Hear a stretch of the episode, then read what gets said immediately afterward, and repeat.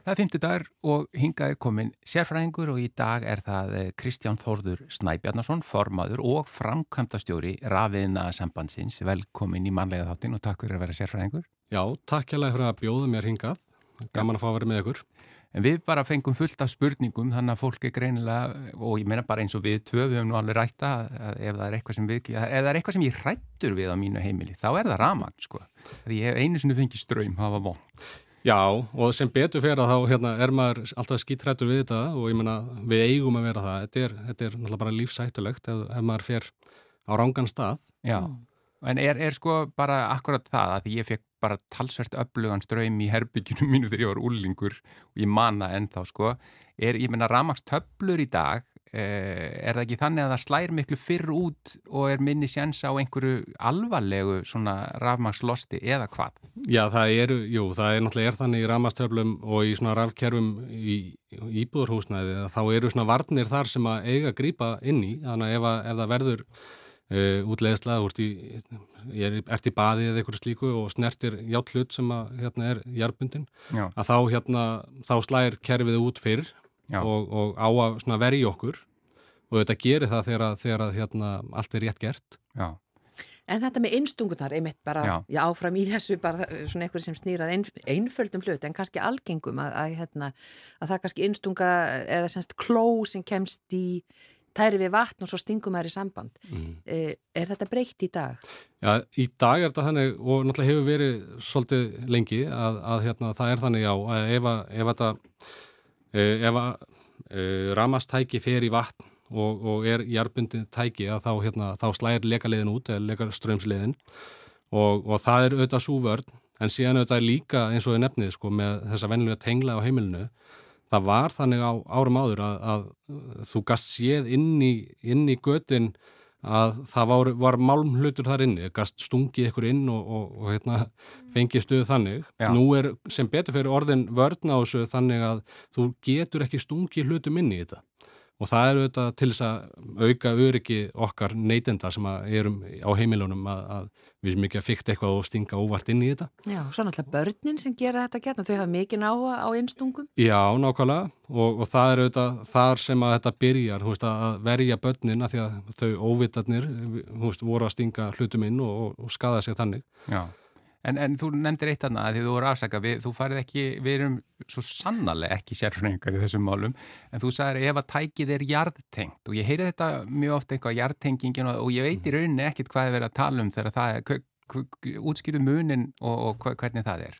Já, þú getur verið með uh, tækið sem eru sem sagt bara eins og Eh, hvað maður að taka eins og ískápurinn heima, hann er, hann er með svona kló sem er með hérna, þremur pinnum eða semst tveir pinnar og síðan eru snertur á klónni Já. sem er í jarbindingin þannig að veist, all, allur málm hluti ískápsins er þannig að þú átt að geta snertan og ekki átt hættu að fá stuð út frá honum Já. en síðan getur við verið með ráftæki sem eru með tvöfaldri einangrunn og eru, ekki, eru á senast ekki með sömu snertifliti á, á klónni eins og, eins og fyrir, fyrir að dæmið.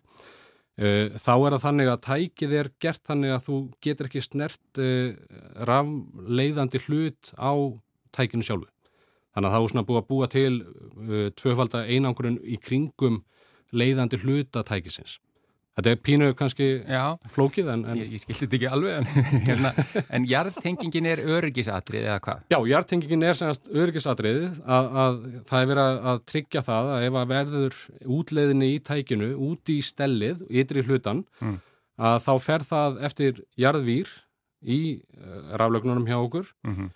og þá skinnjar uh, svo kallar lekaliði í ramastöflunni að það er ströymur að fara fram hjá út úr kerfinu. Já og ekki eftir þeim leiðum sem hann á að fara mm -hmm. og þá slægir hann út og það er það sem að tryggir einmitt öryggið okkar eh, sem er með umgangstækin mm. að, að það sé ekki spenna á, á þeim hluta sem við getum snert.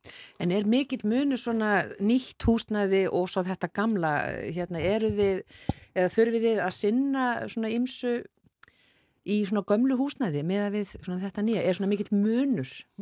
Sko, já, það, það getur verið það. Eh, eldra húsnæði, eh, ef það er ekki búið að taka raflagnir í gegn og allt það og endur nýja það sem þarf að gera, að þá, þá getur verið aðeins annað sem að á við þar. Þannig að það er svona, já, það er eitthvað sem að þarf auðvitað að fara yfir að tryggja allt síðan e, í samræmið það sem að þá staðlas mér í gangi í dag. Já. E, en það, það eru alveg eflaust e, einhver húsnæði sem eru með semst eldri fyrirkomulegi. Og hvað, já, einmitt, akkurat. Sum svona eldri hérna húsnæði sko, eru með þessum gömlu þykku klóm, hvað heita þær sem eru alltaf öðru sér heldur en þessari með svona tveimur pinnum? Tísín og klednar, ertu að meina þær? Já. Þessar svona flötu. Já, já, svona, já bara svona já. þykkar og fara í svona einu lægi inn ykkur neginn. Já, einmitt, einmitt. Þa, það er alveg til staðar í dag en þá. Og er það löglegt? Já, já, ég, já, já, það, það held ég. ég hérna, já, já, það, það er ennþá verið að selja húst, vörur í þetta kerfið. Þetta er náttúrulega, uh, nú er ég ekki alveg sérfæringur þarna, en, en minnir þetta þessi ítalst kerfi sem að kom inn og var svona, já, var aðeins að vera að keppast um þetta hvort veri ofan á já, já. Uh, en það er, þú veist, það eru uppfyllað það sem er verið að vinna með, þú veist, það eru þessar jarðbindingar og allt þetta í kringum þetta, semst jarðtengingin og, og hérna, já er... En nú ert þú bæði formaður og framkvæmtastjóri er að vinna sambandsins eh, hva, hvað er svona ykkar helsta starf? Er þið að vinna fyrir eh, þetta er stjættafélag eða hvað? Þetta er að vinna fyrir ykkar fólk, segja yðnaðamennina og meistarana Já, semst, rafinasambandið og ég er formar þar og það er stjættafélag, eða semst landsamband eh, stjættafélaga í þessum greinum sem er tengjast rafiðnaði, raforkuðinaði, miðlun, útgáfu og, og upplýsingatækni, skapandi greinum. Mm. Þetta er frekar viðfemt. Uh, ég er þar, hérna, við erum þar að vinna fyrir, já, okkar félagsmenn sem eru, uh, er launafólk í rafinastörfum og svona störfum sem eru tengt þessum greinum okkar. Uh, erum við auðvitað að sísla með ímisatriði varandi kjaramálin, við erum að þjónusta félagsmenn e, varandi kjæramál, mm -hmm. gerum kjærasamninga sem að hérna, ákvarða þetta réttindi og skildur okkar á vinnumarkaði. Yfirleitt horfið fólk á þetta að kjærasamningurinn e, segi til um hver, hvaða laun á að greiða eða hvað, hvers mikið á að hækka launin mm -hmm. en þannig er hins vegar þetta bara fullt af öðrum þáttum sem að skipta máli. Veist, réttinda hlutin á bakvið þetta, veist, veikindarétturinn, hvað, hvað átt að fá greitt í laun eða úrst veikur orlofið og svona ymsir slíkir þættir sem að eru í samningunum og kannski fólk sér ekkert alveg svona dagstæðlega. Uh, við erum auðvitað að aðstóða okkar félaga þegar það er leita til okkar uh, varðandi svona þætti. Það er ykkur ágreiningur, það er kannski hefur evasemtur um að það sé verið að borga um rétt laun eða, eða þessi réttindi sé ekki uh, sangvært kjærasamningi og þá erum við aðstofa við það, þú veist, mm. við leita til okkar með slíkt. Hvað með slís? Er þau algeng með rafvirkja eða rafiðnaðamanna? Slís eru, já, já og nei, sem, þau eru of algeng, þú veist, það er of mikið að slísum auðvitað á vinnumarkaði, e, þó að sé kannski ekki, ekkert endilega algengari í, en í öðrum greinum, Eh, við erum auðvitað að glýma við svona ímiðsatriði bara eins og á byggingarstöðum þar sem að hérna er sama fallhættan fyrir okkar félaga eins og annara. Það er verið að reysa ný hús og, og það er auðvitað hlutir í kringum fólk sem að e, skapar hættu. Um, Ramas hlutin kannski veist, sem betur fyrir er ekki, ekki mjög algengt að verði alvarlega sliðis en, en við höfum samt sem að því miður séð á undarförnum árum verða alvarleg slís og, og banaslis mm. um, sem að eru þetta alveg ömuleg, hluti af þessu. En er mikið leita til ykkar, við, við hefum verið með hérna forman pípulagningameistara e, og, og í sambandi við fúsk, eða þar að segja að fólk sé að vinna gangi ykkar störf og er ekki mentað. Já, það er, það er tölvöld mikið leita til okkar varandi slíkt. Já. Það er um, um, sem betur fer er samt sem áður eh, fólk mjög meðvitað um það að það er ekki verið að ganga inn í, inn í þessi verkefni. Að sjöku eins að eins og við byrjuðum á það, þetta er hættulegt. Mm. fólk er, þekkir þetta ekki veit ekki nákvæmlega hvað það er að gera og, og, og sem betur fyrir þá bara lætur fólk að almennt vera. En það þekkist eins og er alveg inn á milli að það er verið að bjóða einhverja þjónustu sem að, eh, ekki stennst alveg skoðun og þar höfum við verið mjög áberandi og aktíf í því að grýpa inn í og reyna svona að ráðleika fólki hvað er, hvað er hægt að gera. Við, við uh, erum með starfandi svona vinnustæði eftirlit þar sem að uh, starfsmenn hjá okkur fara á vinnustæði og, og svona fylgjast með því hverjir er að vinna þessi störf. uh, skráum það niður og, og þar framöntu gödunum og síðan erum við með svona uh, ákveðin sveina lista sem við höldum utanum alla þá einstaklinga sem að hafa klárað sveinspróf í okkar greinum, í rafvirkjun til dæmis eða rafeindavirkjun Þannig að neytendur geta þá farið inn á, á heimasíðuna hjá okkur eða sveinalistin.is til dæmis mm -hmm. og flett upp, ég með manni vinnu, er að gera eitthvað fyrir mig og ég vil vita hvort hans er búið með sveinspróf. Þannig að þá getur þú farið þar inn og aðtugað hvort það sé rétt, hvort hans er búið með sveinsprófið eða, eða ekki. Þannig að veist, það er okkar viðlitni í því að reyna að aðstóða fólk að, að aðtuga þessi mál og fylgjast með því að sé Fagmaður að verki. Að sé fagmaður að verki. Já.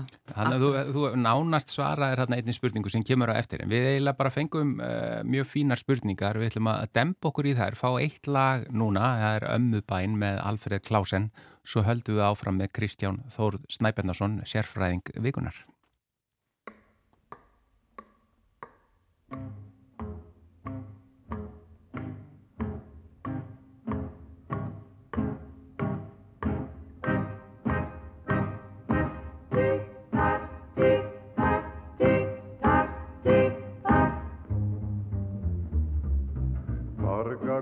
Sögu amma sagði mér.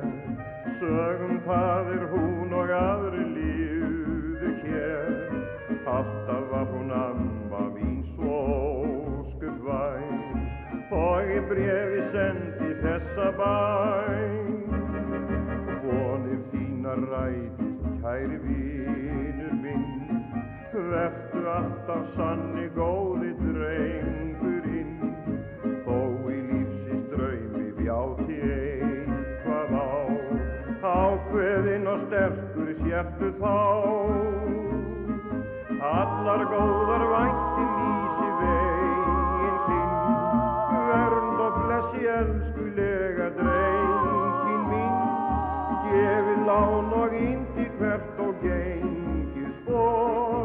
gæfi sömum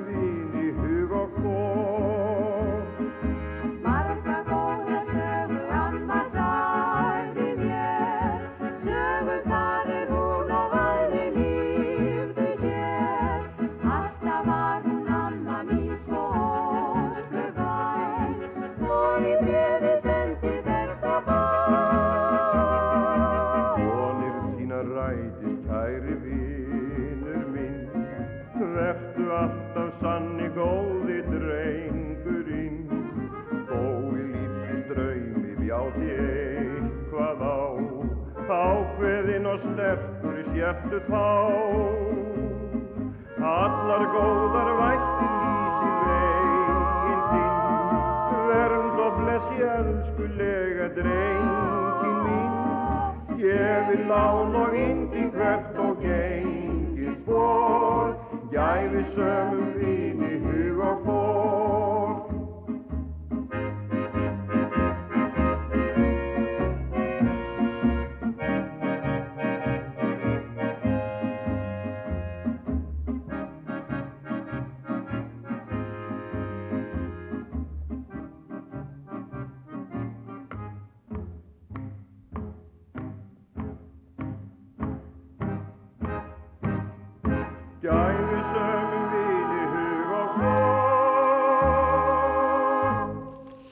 Alfred Klausen söng Ömmubæn eh, eftir Janna Jóns, bæðilag og texti og það voru tónalýsur sem sungu þarna með. Já, eh, við erum hér með sérfræðingin Kristján Þórð Snæbjarnarsson, eh, formaður og frangatastjóri rafveinaðarsambandsins og við ætlum bara að vinda okkur beint í spurningarnar frá hlustendum. Komið sæl, vildi spyrja Kristján um tvent. Númer eitt, við erum með nýleg eh, LED-ljós eða LED-ljós sem að alltaf logar og þrátt fyrir að slögt hafi verið á þeim. Leki innan gæsalappa í rafmagninu segir rafvirkin og virðist ekki hafa lausn á hvaði til ráða hefur heyrt um, sko nú veit ég ekki hvort það er að segja þetta eða þetta. Mm. Er það kannski þettar? Þetta. Þetta, já, hefur heyrt um þetta. Já. E, að sko það bara hættir ekki að loga á þessu ljósi. Já, emitt, emitt. Eh, það sem að mér langar auðvitað bara að byrja á í þessu, það er eins og við komum aðeins inn á áðan að það skiptir mjög miklu máli að þegar við erum að vinna með ramagnið að, að fá fagmann til þess að, að skoða hlutina að hætta sér ekki út og þá slóðir að fara fykta í þessu mm. eða reyna að laga þetta þannig að þetta gang, uh, fari í lag uh, varðandi þetta að ledljós uh, geti verið að lýsa án þess að þegar það er búið að slökkva á þeim að slökkva mm -hmm. á rofanum að það geta raunar verið nokkur atriði sem að er aðna bakvið það er uh, annars vegar uh, getur verið eitthvað varandi lagnaleiðir að ljósum og svona uh, hún spyr, viðkondi spyr hvort sé eitthvað leki, veist, það getur spanast upp segulsviði kringum lagnir sem að getur duga til þess að búa til smá ljóstýru um, það er eitthvað sem að svona, maður hefur heyrta af að geti verið en síðan getur þetta líka verið tengt bara gæðum vörunar eða þú veist með um, segjum eitthvað ódýran lett borða eða eitthvað slíkt að þá getur skipt máli uh, hvaða gæði eru á, á því sem þú ert með í höndunum. Já. Þannig að þetta eru svona, hú veist, atriði sem að geta skipt máli uh, en auðvitað bara ítrekka ef þetta er eitthvað sem er verið að setja upp að þá væri mjög gott að fá fagmannin til þess að koma og bara skoða þetta hjá viðkomandi. Bara hver orsökin er. Og finna orsökina. Það, já, það geta verið eitthvað svona, eitthvað svona þættir sem að e, síðan hafa áhrif þarna. Og, og það kemur önnur spurningin í framaldi frá sömumanninsku. Getur Kristján fjallað almennt um að slökka á ramastækjum, það er að segja eh, hlæðslutækjum vegna eðslu eða eldtættu? Eh, þetta er oft eh, eins og bara þegar maður slekkur með fjárstýringun og sjónvarpi hvort að það sé nóg eh, og önnur sem er hægt svona halva svæfa en ekki alveg slökkva á Já, einmitt, einmitt. Við munum öruglega vel eftir umræðinu um túbusjónvarpunni í gamla daga. Já. Þar sem að það var svona að byrjað að nota fjárstýringuna og, og maður slökti með fjárstýringunni en þá var alltaf spenna á, á sjónvarpinu þá var ráðleggingin alveg klálega að slökkva alveg með rófanum eða, eða jafnvel ganga svo langt að taka það á sambandi. Uh -huh. uh, og þarna er náttúrulega bara verið að eh, vísa í það á þeim tíma uh, var mikil hitamyndun í tækjónum og, og, og það dróða að sér rík líka þannig að það sapnaði sama ríkinni og hiti og þá náttúrulega var eldhætta tölvört mikil að því þegar að ráftæki eru í sambandi og slögt með fjárstýringuna þá eru þau alltaf að taka eitthvað strömm. Það er mhm. alltaf ykkur örlítil orkunótkun uh, við það. Þannig að það er uh, að sjálfsögðu gott að slökka á tækjum uh, bara með rofanum til þess að hérna, draga úr orkunótkunni og, og mm. draga úr þessari hættu. Almennt séð er samt sem aður kannski minni eldhætta af ráttækjum í dag heldur en var hérna á árum áður Um, en, en þetta er samt sem aður, það er gott, góð venja að bara reyna að draga úr notkunni og, og taka tæki og sambandi, taka hlæðslu tæki og sambandi þegar það er í vegnum eða semst einstakkunni. Og það er kannski mjög algengt í dag að fólk er bara með hlæðslu tæki við, við rúmið sitt í, mm. í sambandi að því að það er að hlaða síman yfir, yfir nótt. Akkurát. Og það er alltaf í innstungunni. Það er alltaf í sambandi og ég menna ég er alveg þar, ég ger þetta sjálfur, ég hérna, hef þetta alltaf í sambandi en, en auðvitað, húst, um leið og hefur hlutinni sambandi að þá er alltaf ykkur smá orkunótkun þó að sé ekki mikið auðvitað en, en, en yfirleitt ekki. Það sapnast kannski það saman kemur þetta eru mörg tæki sem er alltaf í sambandi. Já, Já. það getur gert það. Hér kemur annar spurning, eh, í íbúðinni sem ég býn núna er halogenperur í loftljósum og sumar með dimmer. Núna er ég að skipta yfir í ledljós á ég að taka ballistarnar burt sem eru við hverja peru, e, get ég nota dimmerin sem er fyrir og er jafnframt rofi. E, já, Þetta tekur hérna fram hvaðan rafkerfið er. Já, rafkerfið mm. er, ég, ég veit ekki hvort að það skiptir máli en það er hérna dimmer fyrir ledljós, þar er aðeins fyrir einn rofa en hjá mér núna eru þrýr rofar í einni dós. Mm -hmm. Einmitt. Eh, þarna reyndar kannski vantar aðeins eh, meiri nákvæmni í, í hlutina.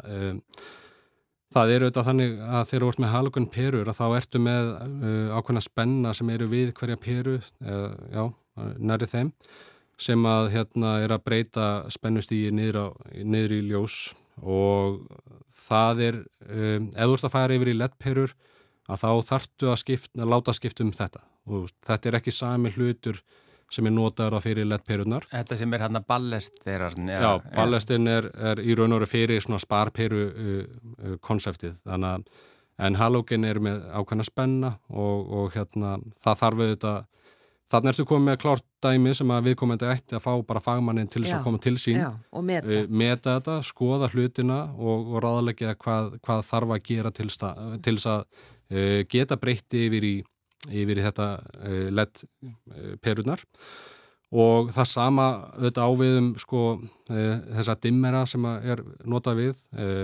Það þarf að huga mjög að því að dimmerar ráði við að, að dimma lett perunar og síðan þurfa líka, þarf að líka passa upp á að lettperjurnar séu dimmanlegar. Af því að þær eru ekki allar þannig að, að það sé hægt að dimma þær. Þannig að það er eitthvað sem að, uh, þarf svolítið að skoða og það eru, eru til alveg lausnir uh, til þess að ef þú vilt vera með uh, kveikingar á mörgum stöðum, það sé húst fleirin eitt rofi til að dimma og þá ertu yfirleitt komin í svona þrýstirofa hérna, virkni þannig að þú getur ítt takanum inn og haldi inni og, og láti ljósið dimmast eða þannig. Já, akkurat. Þannig að, en þetta er alveg klálega eins og sé. Þannig að þarf hún eiginlega að fá, viðkomandi að fá hérna fagmann til þess að meta Já. hvað þarf. Það er gott að sé ekki ykkur yfirspennað þarna sem fari í gang eða ykkur vitlisa. Og hér, hér er einn sem að ég hef nú bara heyrt talsveit af þessum pælingum. Á sama tíma og mikil aukning er á rafbílum er æg algengara að það kvikni í bílum. Uh, nú síðast það var frétt í bara gæri eða fyrradag eða eitthvað slíkt frá miklubrutinni. Er sama sem merki þar á milli, er hættara við bruna rafbíla, eru það þá frekar bensín uh, uh, rafbílar eða bílar sem engungu ganga, já, er það frekar svona þessir tvinnbílar eða þeir sem ganga engungu fyrir rafmagni og er einni bílategund frekar en annari hættari við bruna uh, hva, hvað segir við þessu Já. bruna hætta, er, er hún meiri á rafbílum eða? Þetta er, þetta er verulega góð spurning. Eh, Það sem að hérna, ég reyndar hef ekki séð nákvæmlega tölfræði um þetta hérna á Íslandi en það sem ég hef aðeins verið að fylgjast með er hjá frændum okkar no- norðmönnum. Eh, Þeir eru með ágæðist tölfræði yfir svona rafbíla og bíla flotan hjá sér. Uh, Samkvæmt tölfræði frá þeim frá 2019 minnum við til 2021 að þá, þá voru brunar í bílum einhverju 2300 bílar sem brunnu. Mm. um, en algengast var að þetta var bruni í sem sagt bensín og dísilbílum. Þannig að það var ekki uh, sama sem merki á milli fjölgunar rafbíla versus uh, uh, þá bruna í bílum. Nú er það gríðarlega aukning í rafbílum í Nóri Já, og, og þeir eru með sennilega, já, með tölvöld marga rafbíla mm -hmm. og hlutfatt bíla, rafbíla í þessum flota er herra heldur en hlutfallið af þeim sem að brenna. Þannig að það eru færri rafmaspílar sem brenna í samanbörði við hinna. Já, Auðvitað getur skipt máli þarna, aldur samsetning bílaflotans, veist, hversu margi bílar eru gamlir hva, og hversu gamlir þeir eru þeir að brenna. Eh, Þannig að, en það er ekki, það hefur ekki fundist fylgni á milli þess að, að, að sé meiri hætta að rafbílar brenni en aðrir. Og svona, uh, samkvæmt því sem að ég best veit er að, að veist, það er sjaldnast sem að kviknar í rafmaspílum út frá raflöðunum. Það er yfirleitt eitthvað tengt sko uh, innréttingum eða svona innra byrði bílana eða, eða eitthvað slíku. Uh, gæti verið auðvitað ramaslagnir og eitthvað svoleiðis en, en þannig að þetta er eitthvað sem að kannski e, er ekkit rosalega mikið rannsaka allavega hérna, hérna á Íslandi. já með þetta frá Nóri þá allan að verist ekki vera meiri hætta Nei, virðist ekki verið meiri hætta. Það er alveg, það er nokkuð ljóst samkvæmt þeim tölum og hérna þannig að mér finnst, ég held að við getum alveg dreigð þá álutun að sé ekki meiri hætta á í kveikju í ramaspilum en öðrum. Já, en gott væri að fá kannski einhverja tölfræði yfir þetta eins og þú segir. Já, það væri, væri mjög áhugavert að- og kannski er nú til, nú ætla ég ekki alveg að sverja fyrir það en, en, en það væri mjög gott að halda utanum þessa tölfræði hér á Íslandi. Já. Eh, Önnur spurning hér, eh, mér langar að vita, nei spyrja hvort það sé rétt sem ég var sagt að þegar fólk er að hlaða bíla frá tenglum í geimslu í sameign þá séu þeir ekki að nota meira rafmagn en sá sem er með fristikistu í sambandi í geimslunni sinni, í sameigninni. Stenst það? E, það urðu leiðindi á húsfundi þar, þar sem tveir eru að hlaða frá tenglum í geimslunni sínum en þeir eru hvorur með fristikistu í geimslunum. En svo eru aðrir sem eru með fristikistur og þeir eru ósáttir við að þessir tveir séu að hlaða. Þeir eru báðir búinir að fá rafvirkja til að setja tengla fyrir bílana sína. Einn rafvirkinn fullir til að fristikisturnar væru að taka meira rafmagn á áskrundvelli heldur en bílar í vennjubundnum akstri. Já, einmitt. Þetta er, þetta er örgulega spurning sem að kemur ansi víða upp að því að hérna uh, í fjölbíliðsúsum er þetta, skiptir þetta miklu máli að vita uh, notkunna. Uh, ég myndi halda, sko, ef maður dregur bara svona fljóta álugtana að þessu að þá, þá auðvitað skiptir það miklu máli hversu mikið þú kerir og, og hérna ef þú kerir mjög lítið þá gæti þessi fullirðing staðist að einhver leiti en, en það er mjög langsótt.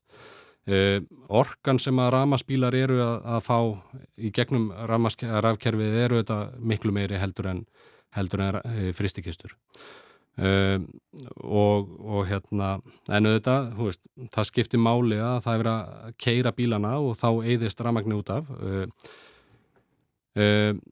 Og þú þart að hlaða bílana, ég menna að við erum með til dæmis Nissan Leaf eða eitthvað þannig sem að geta verið með 40 kWh raflöður að þá er, þú veist, það er töluvert mikil orka sem að, ef þú þarf að fylla hann alveg mm. í raun og veru, hlaðan að fullu leiti. Það er raunni lítið í dag, þeir eru með 60, 70, 80, allt upp í 100 kW í dag. Akkurat, akkurat, þannig að, þú veist, þetta er, þetta er meiri orka sem fyrir í að hlaða rafbíla heldur en að, að reyka fristikistuna. Og bara það að hlaða ramarsbíl, svo nótkun á ramagni, er nokkuð heimilistæki sem að notar einhverja viðlíka orku í jafn langan tíma.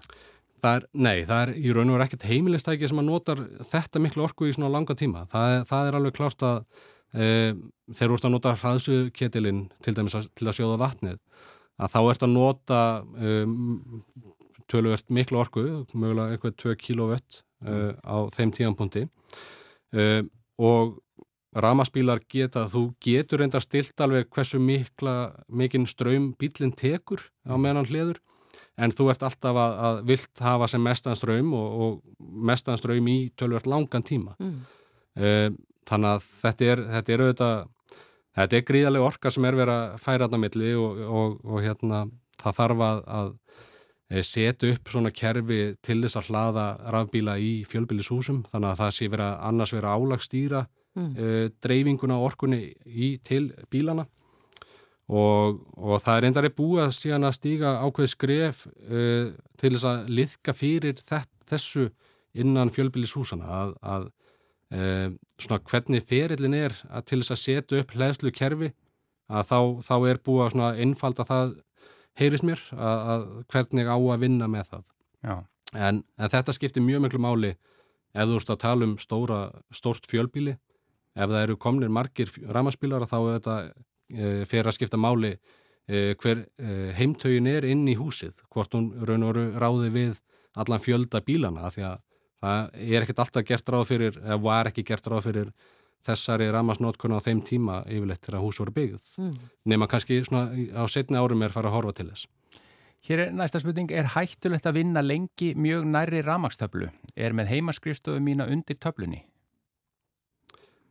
Já, einmitt, einmitt. Uh, sko, nú erum við reyndar náttúrulega kannski komin út á eitthvað svið sem að má eflaust uh, með einhverjum hætti deilum og, og, og reyna að raugraða.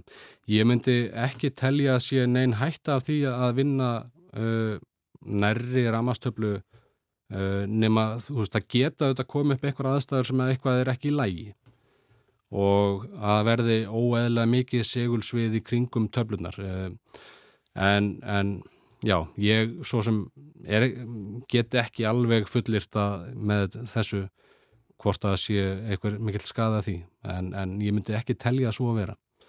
Ef allt er í lægi í öllu. Ef allt er í lægi að þá, þá uh, á þetta allt að vera uh, í góðu lægi uh, er, en hins vegar auðvitað geta eflaust komið upp aðstæður þar sem að eitthvað er ekki alveg fullkomlega í lægi það getur skipt máli auðvitað, og það væri auðvitað hægt að grýpa til aðgera til þess að, að vinna með svona ef eitthvað er, mm. en, en já.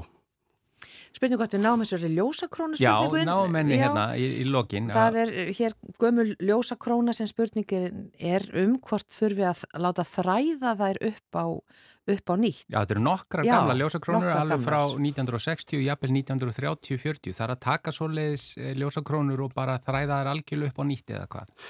Sko Já, uh, þegar þú ert með svona gamlar uh, gömul ráftæki að þá, hérna, þá myndi maður telja að það væri mjög skynsanlegt að láta yfirfæra þér.